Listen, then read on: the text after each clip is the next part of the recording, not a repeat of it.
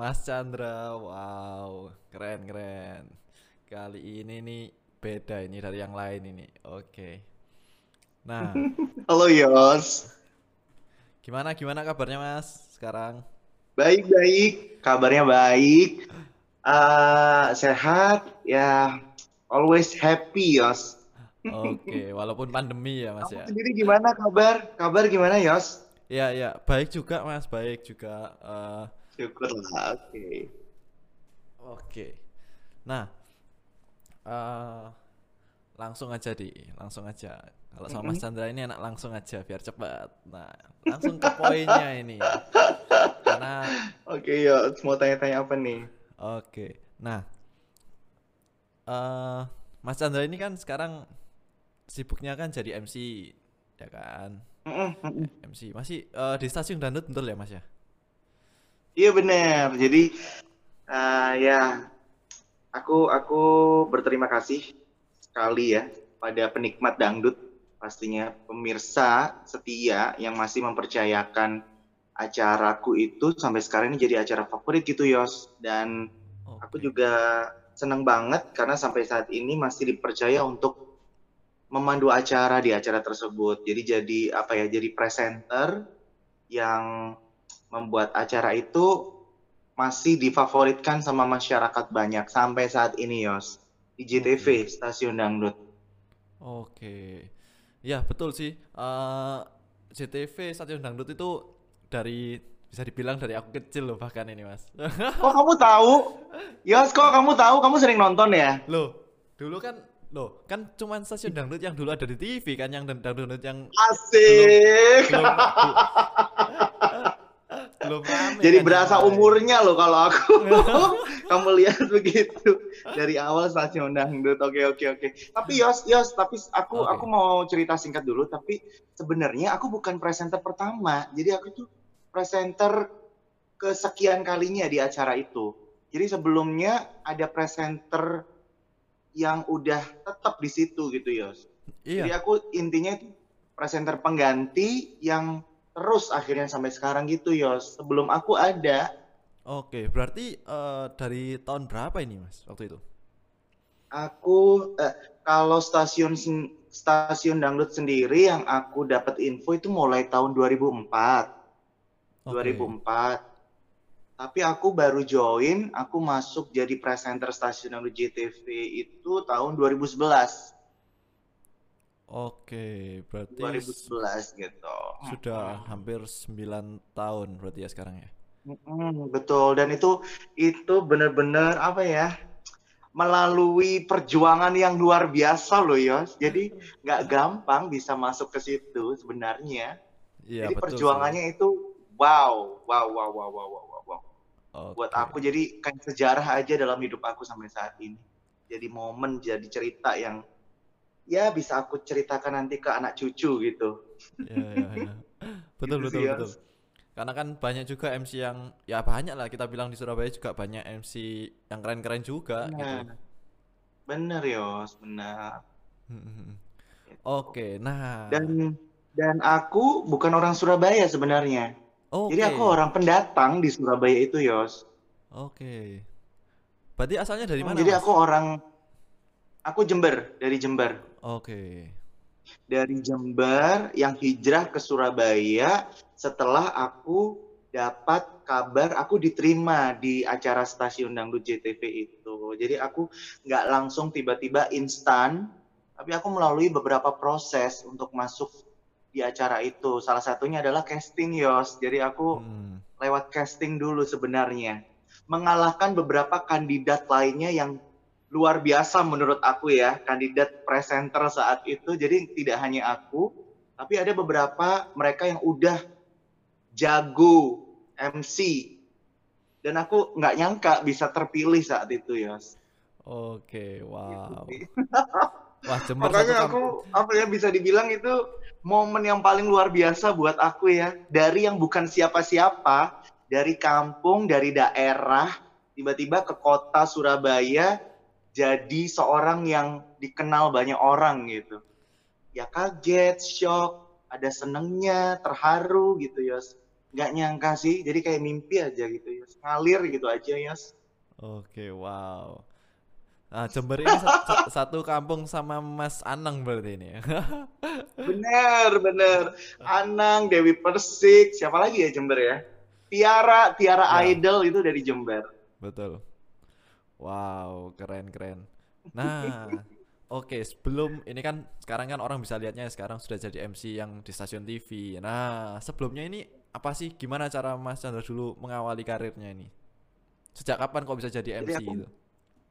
Oke, jadi MC itu sebenarnya baru lahan baru buat aku Yos. Aku mengawali karir aku itu jadi penyanyi dulu sebenarnya. Penyanyi band dari kafe ke kafe, ikut long trip juga, terus ikut roadshow, eh, sponsor rokok ya, jadi keliling kota gitu. Dan nyanyinya aku bukan dangdut Yos, aku adalah anak band dulunya itu. Penyanyi band-bandan top 40 cafe gitu lah berangkat malam pulang pagi berangkat malam pulang pagi kayak gitu ya dan aku jadi penyanyi dangdut karena terjun di dunia dangdut yang saat ini yos mau nggak mau aku harus tahu lagu dangdut aku harus bisa nyanyi dangdut gitu sih jadi aku mengawali karir aku nyanyi duluan ketimbang MC Oke, oh. anak band yos anak band Mm-mm. kamu dan aku kan ya anak band Oke, oke, oke, be- Ya. luar biasa. Oh, berarti sebelumnya eh, juga nggak banyak eh, atau dulu juga banyak MC-MC untuk wedding ataupun eh, acara-acara gitu yang lain? di mana di Surabaya Eh, dulu Atau waktu di Jember Jember? ataupun di Surabaya sudah waktu pindah Surabaya? pindah di Surabaya enggak Yos justru aku tawaran itu nyanyi dulu malah aku di Oke. Jember kan nyanyi pindah ke Surabaya itu tawaran job yang pertama kali aku terima nyanyi justru. Nyanyi tapi nyanyi dangdut gitu Yos. Orkes ya jadi kayak orkes Melayu gitu. Kaget sih sebenarnya. Anak band yang berubah haluan jadi penyanyi dangdut dapat job pertama kali juga nyanyi dangdut itu kaget rasanya. Aku itu harus gimana gitu karena kan uh, penonton band sama penonton dangdut itu kan beda Yos. Ya kan? Ya, betul. penonton dangdut itu lebih kayak kayak apa ya? Kayak antusias banget gitu loh. Sampai Hmm. di depan panggung joget-joget ya kan? Angkat-angkat bawa spanduk begini-begini. Kalau anak band paling cuma duduk menikmati angguk-angguk kepala gitu kan. Jadi kayak ada kelas-kelasnya gitu. Makanya aku kaget waktu aku nerima job pertama kali nyanyi dangdut aku bingung. Ini aku harus gimana? Apalagi Yos dangdut itu identik banget sama yang namanya saweran. Oke. kamu tahu saweran ya? Ya, Eh, ya, eh, ya. jadi mau nggak mau tradisi itu akhirnya jadi tahu gitu oh ternyata dangdut itu ada ya. Tradisi saweran gitu dari orang-orang yang suka sama artisnya sama lagunya pasti dia akan nyawer gitu. Kalau anak band kan nggak yos. Sawerannya itu setelah tampil dapat amplop ya kan dan dibagi rata ya kan? Sama-sama seneng gitu. Kalau penyanyi dangdut enggak yos puasnya itu beda. Karena nerima duitnya utuh yos. Gitulah sedikit cerita yos. Wow. Nah, berarti kan eh, kenapa kok bisa tiba-tiba dari penyanyi bisa jadi MC ini ceritanya? ah oke. Karena aku jadi presenter di acara stasiun dangdut. Mm-mm. awal aku pengen dapat job job MC pun itu juga sering kontak ya. Akhirnya mau nggak mau aku kenal tuh. MC satu MC yang lain MC berikutnya gitu. Akhirnya kita menjalin lah komunikasi silaturahmi kayak aku sama kamu ya Yos. Hmm. saling connect gitu. Akhirnya mau nggak mau tiba suatu saat ada MC itu nggak bisa jadi ada MC nggak bisa dia karena berhalangan ada acara apa gitu. Akhirnya mau nggak mau dia kontak aku gitu. Chandra kamu mau nggak? Ini ada acara MC, eh, acara wedding. Kamu mau nggak? Ini dadakan banget karena aku nggak bisa. Kamu please bisa gantiin aku nggak di acara wedding itu? Ngapain nyanyi? Nggak nge-MC dari mulai eh, apa pakem-pakemnya gitu Yos. MC Jawa modern sih. Jadi dikasih tahu ini pakemnya begini Cah nanti awal begini. Ada tradisi temu manten lah. Dan wah itu langsung pusing. Aku mau nggak mau harus belajar kan? Oke. sharing lah ke MC MC lain. Oh gitu akhirnya setelah belajar itu aku praktekin di lapangan. Bisa. Akhirnya keterusan lah. Kan dari dari satu tempat kan ketemu tuh orang-orang baru ya. EO, event organizer, wedding organizer, akhirnya kita saling kontak, punya nomor kontak satu sama lain. Akhirnya mau nggak mau, ya udah aku terima tuh rezeki tambahan di lahan yang baru jadi MC of air. Oke. Gitu, ya. Nah, berarti eh mulainya dari wedding ya eh, MC ini ya, Mas ya. Yes, yes, dari wedding dulu baru event-event gitu sih, event-event kayak ya mulai gathering, launching produk gitu. Iya, iya, iya. Kayak Nah. gitu. Dari wedding dulu sih, Yos. Oke, nah kita kan ya MC punya dunianya sendiri, kit- eh, ada ilmunya ilmunya sendiri. Nah, belajarnya dari mana ini Mas? Kalau nggak waktu itu kan bisa dibilang eh, beda, beda sekali kita nyanyi dengan MC kan beda sekali gitu loh. Kalau aku dulu belajarnya dari ada ada ada temanku MC Surabaya bilang kalau kamu punya keinginan jadi MC dan kamu pengen pengen nekunin, kamu harus punya satu kiblat. Istilahnya harus satu uh, punya satu orang yang uh, bisa kamu anggap itu sebagai contoh kamu untuk jadi karakter kamu MC gitu. Misal kamu pengen kiblatnya ke yang formal, kamu harus pilih siapa tuh MC yang udah profesional, kamu ikutin dulu sampai akhirnya uh, bisa gitu dan karakter itu melekat di kamu. Dan saat itu Yos, aku kepikiran aku pengen jadi MC yang heboh, MC yang rame, MC yang kocak gitu ya. Akhirnya aku pilihlah satu artis Indra Bekti saat itu. Iya, oke. Indra Bekti sampai sekarang itu bisa dibilang jadi inspirasi aku ya Yos untuk bisa berani menyapa semua audiens, semua orang yang ada di depan aku saat aku lagi nge-MC gitu. Akhirnya karakter itu melekatlah di aku. Jadi MC yang apa ya, bisa dibilang Indra Bekti kan nyanyi iya, nge-MC iya, Hmm. jadi kayak MC multi talent gitu lah. Oke. Rame iya, formal juga bisa gitu.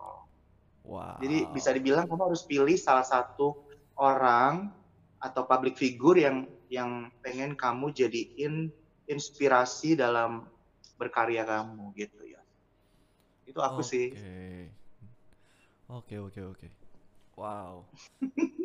Keren, keren, keren. Nah, kalau Gimana nyanyi- Yos? Kamu Ah. kamu pengen jadi MC nggak Yos?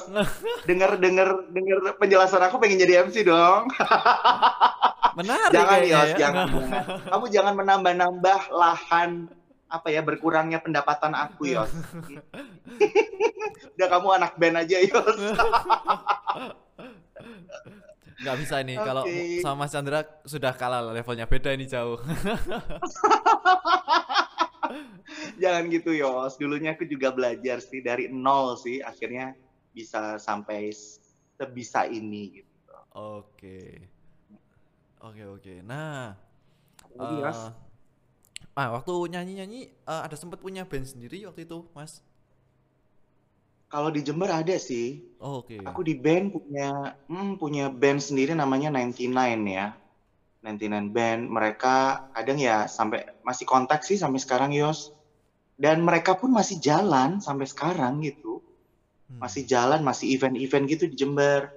Terus kalau di Surabaya sendiri aku belum, aku belum punya band yang yang menetap gitu istilahnya. Jadi kayak masih apa ya, masih dibilang audisionalan gitulah aku.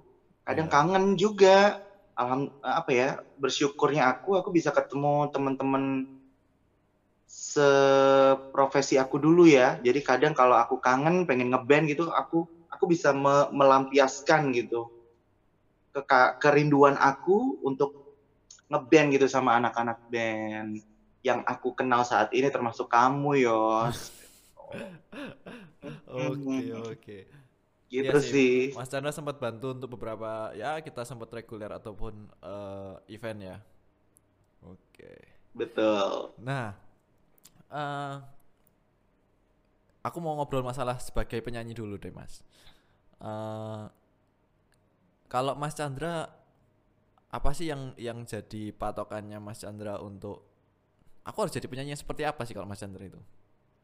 Supaya uh, kan penyanyi kan banyak kita. Kita bilang penyanyi event atau wedding atau penyanyi apa pun ya banyak. Cuman uh, jadi as a different person itu gimana, Mas? Kalau aku sendiri sih keinginan aku aku pengen menjadi penyanyi yang serba bisa ya, Yos. Bisa semua genre lagu, semua musik, semua lagu. Ya, bisa dibilang aku pengennya jadi nggak hanya penyanyi ya, bisa dibilang mencakup semuanya. Jadi pengennya sih entertainer sejati gitu Yos. Okay. Penyanyi yang bisa menghibur, penyanyi yang bisa nge-MC, penyanyi yang bisa apa ya menempatkan situasi di mana acaranya itu formal ya formal, acaranya itu butuh yang heboh ya kita bisa heboh gitu. Kayak ya jadi penyanyi yang multi genre pengennya aku sih gitu. Tidak hanya di satu sisi aja sih. Oke okay, oke. Okay. uh, eh, menarik sih ini mas menarik. Karena uh, bisa bisa aku bilang juga ini uh, kita jadi penyanyi yang punya poin plus gitu ya. Kita harus ya, poin betul. plus. Jadi kemarin juga sempat uh, di episode yang kemarin ini Mas, episode yang kemarin itu aku ngobrol sama uh, namanya Jeffrey. Nah, Kak Jeffrey itu sebagai dokter, dia dokter dokter umum sekarang lagi ambil spesialis di Erlangga. Itu uh, dia cuman bukan cuman sebagai dokter tapi juga sebagai musik produser. Jadi dan dia bilang aku justru ngerjain musik itu menjadi poin plusku gitu itu yang malah Isa jadi bahkan dia pernah sempat untuk masuk ke rumah sakit dia pakai uh, serti apa penghargaan dia bikin lagu dia pakai itu untuk masuk mm -hmm. bukan bukan dengan ijazah dokternya bahkan wow jadi wow. dia bilang itu poin plusnya di situ dia bilang jadi sekarang ini mm -hmm. kamu kalau punya sesuatu yang berbeda itu justru nilainya di sana kayak gitu kamu nggak cuman bisa cuma yeah, satu ya. bidangmu yeah. aja kayak gitu Betul, betul setuju sih ya sependapat. Oke, oke, oke. Nah, kalau MC ini Mas, gimana ini Mas? Mas Chandra ini MC kan tadi udah dibilang uh, seperti Indra Bakti lah bisa dibilang. Ya. Oke, nah uh, cuman kan nggak bisa sampai di situ aja gitu kan. Kalau kita cuman uh, kita punya kita memang punya referensi tapi kan nggak mungkin kita jadi nanti kalau sama persis kan kita jadi plagiat bilangnya kan dan nggak yes, ada yes. poin plusnya. Buat apa kita bikin Indra Bakti yang kedua gitu? Mm -mm.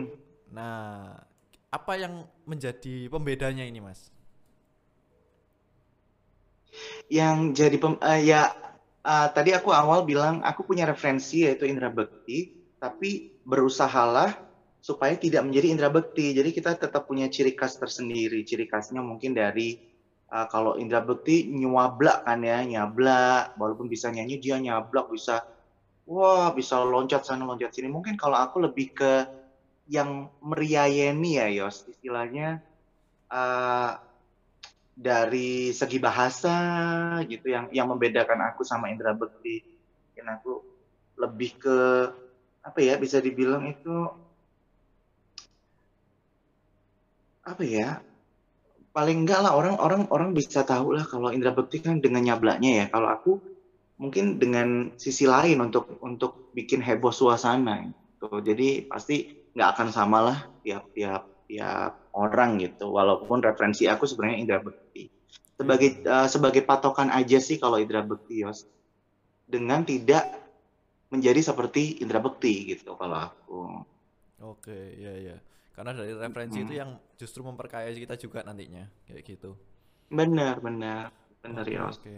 Nah uh, gimana ini? Sekarang kegiatannya apa ini mas? Di saat pandemi apa sih uh, bisa dibilang ya kita harus punya inovasi gitu loh. Kita nggak bisa bilang yes. gimana keadaan kita kayak gini gitu. Apa pun sekarang terbatas kita nggak bisa mengumpul sama orang banyak. Nah tapi kan nggak mm -hmm. mungkin kita diam aja gitu. Nah apa sih yang sekarang mas mm -hmm. lagi kerjain gitu? Yang lagi aku kerjain adalah aku lagi belajar jadi youtuber yos. Jadi aku bisa melampiaskan segala uh, apa ya unek-unekku yang mungkin aja biasanya aku menyapa orang banyak ya. Aku bisa melampiaskan lewat karya-karya aku lewat YouTube. Nyanyi, cover lagu, terus ngevlog dan sebagainya. Di sisi lain selain aku belajar jadi YouTuber, aku juga masih sering sharing-sharing ya sama teman-teman sesama seniman terutamanya. Untuk yuk gimana nih caranya supaya kita nggak nggak diem aja di rumah? Tetap kita bisa berkarya di luar wa, uh, wa, walaupun nggak nggak di keramaian gitu. Akhirnya kita sepakat kita punya agenda sebulan sekali dengan persetujuan dan kerjasama sama teman-teman seniman Yos, kita bikin kayak konser online secara virtual gitu Yos. Okay. Dangdut ya, dangdut sih kebanyakan teman-teman dangdut. Ini kapan nih anak-anak band Yos? Ayo dong. Nanti kita coba ya Mas ya. Kita anak-anak band sendiri kayaknya belum deh ya kan. Kalau kalau teman-teman dangdut aku udah udah udah mulai. Kita agendakan tiap bulan ada Yos gitu. Kayak apa ya kayak selain kita konser online kita juga apa ya bisa dibilang itu uh, mengumpulkan dana sosial lewat rekening. Dan pastinya nanti dana sosial itu kita bakal sumbangin sama teman-teman kita teman-teman seniman yang ya kurang kurang inilah ya istilahnya yang masih kurang gitu yos. Kita kasih ke mereka mereka gitu sih Iya, karena kepedulian mereka... solidaritas kita sesama seniman gitu. Betul betul. Karena mereka memang sekarang lagi susah kan gimana? Sekarang uh, biasanya mereka setiap malam ada hmm. job untuk nyanyi hmm. ataupun main musik, hmm. tapi sekarang sudah ah, entah di mana sekarang kayak gitu. Apalagi besok, besok tuh teman-teman seniman itu ada agenda demonstrasi. Kamu kira-kira ikut nggak, Yos? Iya, jadi besok itu ada agenda teman-teman tuh mau apa ya bisa dibilang menyuarakan suaranya di di pejabat lah istilahnya segera biar segera dibuka kembali dan diberikan izin kembali untuk bisa bikin event istilahnya gitu. Oke. Okay. Tapi oh. aku nggak ikut sih, aku cuma ngasih dukungan aja, kasih support sama mereka. Ya udah semangat lah semangat. Mudah-mudahan di ACC gitu sama atasan-atasan aku bilang gitu. Kasihan juga Yos kalau sampai sekarang mereka kan cari cari makannya lewat event ya kan. Yeah, yeah. Kalau nggak ada event mereka nggak makan gitu istilahnya. Ngandalin jualan mereka juga nggak ada basic mungkin dari kuliner atau apa gitu yang yang hanya selama ini mereka ngandalin bermusik, event. Prihatin sih sebenarnya Yos. Iya ya menarik sih itu. Iya memang sekarang um, aku sempat de dengar beritanya juga bahwa mereka mau uh, demonstrasi cuman uh, ya opini pribadiku ya opini pribadiku itu lebih ke oke okay, ya memang kita memang butuh untuk kebutuhan kita cuman mungkin ya kita kan juga menjaga protokol kesehatan juga. Gimana kondisinya memang lagi Betul. pandemi jadi ya kita juga harus bijak kan. Kalau memang kalaupun memang bisa ya tidak masalah asalkan dengan protokol yang benar kan kayak gitu Iya, iya betul. Kayak gitu sih. Iya. Nah, saling saling support aja sih. Uh, intinya Yos, saling nguatin ya. Biasanya kalau sesama seniman itu punya apa ya, punya solidaritasnya itu tinggi banget sosialnya Yos. Hmm. Jadi satu nggak bisa gitu, biasanya yang satunya ngebantu, nge-backup gitu. Betul betul betul. Itu sih, setahu aku ya. Oke. Nah, baik lagi nih Mas. Nah, Mas ini kan mm -mm. Uh, sudah bisa dibilang ya bisa dibilang jadilah untuk sebagai MC dan juga sebagai Masa uh, sih? Lo tahu dari mana? sudah sembilan tahun loh ini Mas, sudah sembilan tahun loh ini. Enggak, Yos, aku aku sampai sekarang itu nggak pernah merasa oh, aku aku aku harus selalu menanamkan pada diriku aku aku nggak boleh puas di titik ini aja gitu ya. Aku masih punya keinginan yang sangat besar sekali aku kalau Surabaya kan aku sudah bisa menaklukkan ya istilahnya ya. Aku pengen gitu bisa hijrah ke Jakarta, menaklukkan Jakarta, bisa tembus ke TV nasional gitu. Sampai sekarang tuh ada keinginan ke arah situ, Yos. Boleh lah kalau misal aku sampai ke Jakarta dan nongol di TV nasional, itu aku baru wah akhirnya titik titik perjuanganku tercapai juga istilahnya gitu sih ya. Iya, iya, iya. Ya memang kita kan harus tetap ber- terus berkembang, Mas. Ya cuman kan aku bisa bilang eh, sampai sekarang pun ini adalah sebuah pencapaian. Tidak semua orang juga bisa sampai ke situ dan sampai bertahan 9 tahun. Ak- Kita tahu sendiri bahwa ya acara TV itu tidak segampang itu untuk bertahan bertahun-tahun gitu. Ya benar, benar benar ya. Kayak gitu. Oke, nah kalau misal ini Mas, eh, ya buat teman-teman yang lain juga eh, kalau mau jadi seperti Mas Chandra, apa sih yang kita harus lakukan? Apa yang harus kita persiapkan? Entah itu mau jadi penyanyi ataupun jadi eh, MC atau host gitu kan sama aja eh, sama-sama di dunia seni gitu loh. Apa sih yang Mm-mm. yang menjadi kunci kita tuh harus ngapain untuk bisa mencapai itu? Melihat pengalamanku ya Yos, aku me- memberikan saran dan memberikan dukungan sama teman-teman.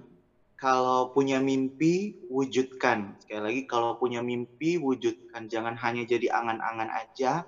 Jadi harus wujudkan dengan cara usaha, berjuang, dan pastinya doa. Gagal, coba lagi. Gagal, coba lagi.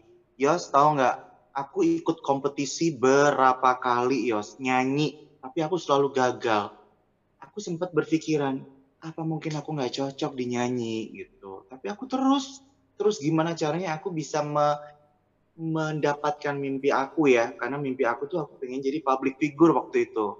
Gimana caranya aku bisa dikenal banyak orang nih. gitu. Aku ikut kompetisi, lomba, festival, aku ikutin semua. Ya aku ada gagalnya Yos, gagal, cuman finalis aja. Kadang cuman juara dua, juara tiga. Tapi aku nggak nggak puas di situ aja. Aku terus capai mimpi aku dengan cara ya berjuang. Ada peluang sedikit masuk, peluang dikit masuk, terjang aja. Usaha, berjuang dan pastinya harus diiringin sama doa itu sih ya. Pasti akan nemu jalannya karena Tuhan nggak tidur. Iya iya iya iya. Setuju Ya. setuju setuju Mas. Nah, eh ini sih menurutku aku bisa bilang ini pertanyaan terakhirku sih. Jadi eh, menurut Mas Chandra apa sih yang ya kita kan di dunia kreatif kayak gitu. Hmm, Nah, apa sih yang selama ini jadi pegangannya Mas Chandra itu untuk ya bisa sampai sekarang gitu. Jadi eh, apa sih yang selama ini mungkin ada kalimat tertentu yang misalnya Mas pegang ataupun ada satu hal yang Mas jadikan patokan, oke, aku tuh harus seperti ini kayak gitu untuk ke depan supaya maybe di saat Mas Chandra lagi down, lagi nggak lagi nggak nggak enak moodnya ataupun lagi mentalnya lagi drop Hmm. ya kan kita ada namanya capek dan lelah gitu loh cuman kan pasti ada sesuatu yang dipegang di saat kita lagi ya itu lagi moodnya nggak enak apa sih yang Mas Chandra inget gitu biasanya pesan dari almarhum orang tua ya, Yos. Karena orang tua kan udah nggak ada dua-duanya. Oke. Di saat aku lagi down, di saat aku lagi ya bisa dibilang aku bimbang gitu, hatiku gusar, selalu yang aku ingat adalah kata-kata atau kalimat dari orang tua aku.